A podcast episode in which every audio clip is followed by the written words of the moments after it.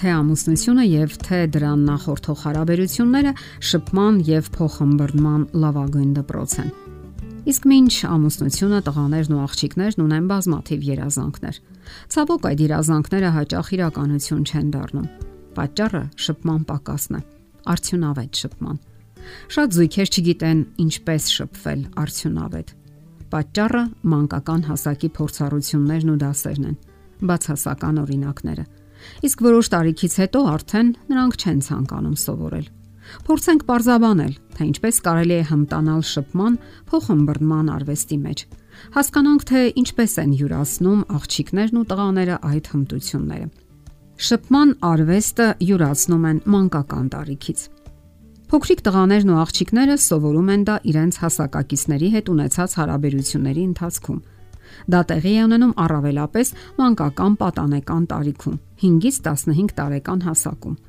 Փոքրիկ աղջիկներն այդ ժամանակ խաղում են զույգերով, լավագույն ընկերուհու հետ։ Աղջիկների միջև հարաբերությունները ամրապնդվում են անկեղծ զրույցների եւ գաղտնիքների փոխանակման օգնությամբ, որոնցով նրանք կիսվում են միմյանց հետ։ Այս դեպքում ոչ այնքան կարևոր է տեղեկատվությունը, որքան այդ տեղեկատվությունը լավագույն ընկերուհու հետ կիսելու փորձառությունը։ Իսկ ահա փոքրիկ տղաները այս տարիքում առավել հաճախ խաղում են խմբերով եւ հիմնականում փողոցում։ Նրանք մարտական երանդուն խաղեր են խաղում։ Երբ տղաները միասին հավաքվում են, ավելի շատ ակտիվություն են դրսևորում, քան խոսում են։ Նոր տղային հեշտությամբ են ընդունում իրենց խումբը, բայց նա խմբի ներսում պետք է պայքարի իր դիրքի եւ կարգավիճակի համար։ Նման հարաբերությունները ժամանակի ընթացքում ավելի են ուժեղանում, երբ նրանք հասունանում են։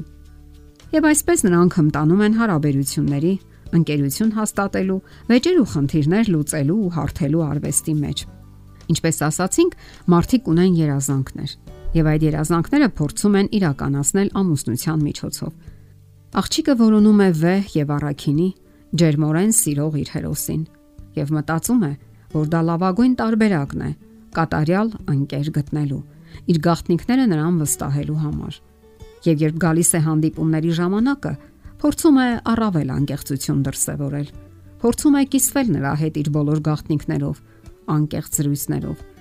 Այդ գաղտնիքներից շատերը վերաբերում են այն բանին, թե ինչպես բարելավեն իրենց հարաբերությունները Իսկ ահա տղաները կարծես անակնկալի են գալիս։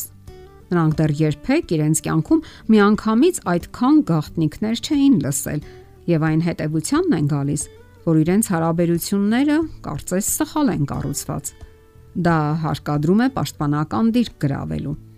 Նա այդ քանակի անկեղծ զրույցների կարիք չունի։ Իսկ ահա ընկերների հետ համատեղ զբաղմունքների կարիքն ազգում է, ինչպես մանուկ ժամանակ կամ պատանեկան հասակում երբ ակտիվությունը ավելի կարևոր էր նրա համար։ Այսպիսի կարևոր պահերը անհրաժեշտ է իմանալ, որովհետև շատ երիտասարդներ այդպես էլ չեն հասկանում, թե ինչ է տեղի ունենում իրենց հարաբերություններում, ինչպես նաև ինչու է տեղի ունենում։ Հոգեբանական մեխանիզմների իմացությունը հաճախ օգնում է նրանց հասկանալով կառուցելու հարաբերությունները, ընթառաջ գնալու միմյանց։ Իսկ ինչպիսին է կանացի հոգեբանության առանձնահատկությունը։ Նրանք իրենց լավ են զգում, երբ խոսում են։ Սակայն մի փոքր այլ է տղամարդը։ Ինչպես ասացինք, նրանք այնքան էլ չեն սիրում երկար կիսվել ու զրուցել։ Տղամարդը անհանգստություն է զգում, երբ որևէ հարցի քննարկումը երկար է տևում։ Այսօրինակ իրավիճակներում նրանց հարաբերությունները կարող են լարվել ու սրվել։ Բայց նրանք չեն գիտակցում, թե ինչ է կատարվում, սակայն հիմնախնդիրը գոյություն ունի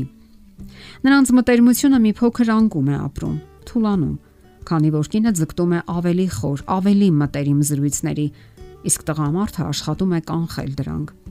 Աղջիկը ձգտում է բացատրել, տղամարդուն ասել, թե ինչ է զգում, ինչ ապրումներ ունի, իսկ տղան ավելի խուսափողական դիրք է բռնում։ Ահա այստեղ պետք է համապատասխան վերաբերմունք մշակել միմյանց հանդեպ, գալ որոշակի համաձայնության թե ինչի մասին կարելի է ընդհանրապես խոսել, ինչն է ընդունելի եւ ինչը ոչ։ Գոյություն ունեն նաեւ նրբանակատ թեմաներ,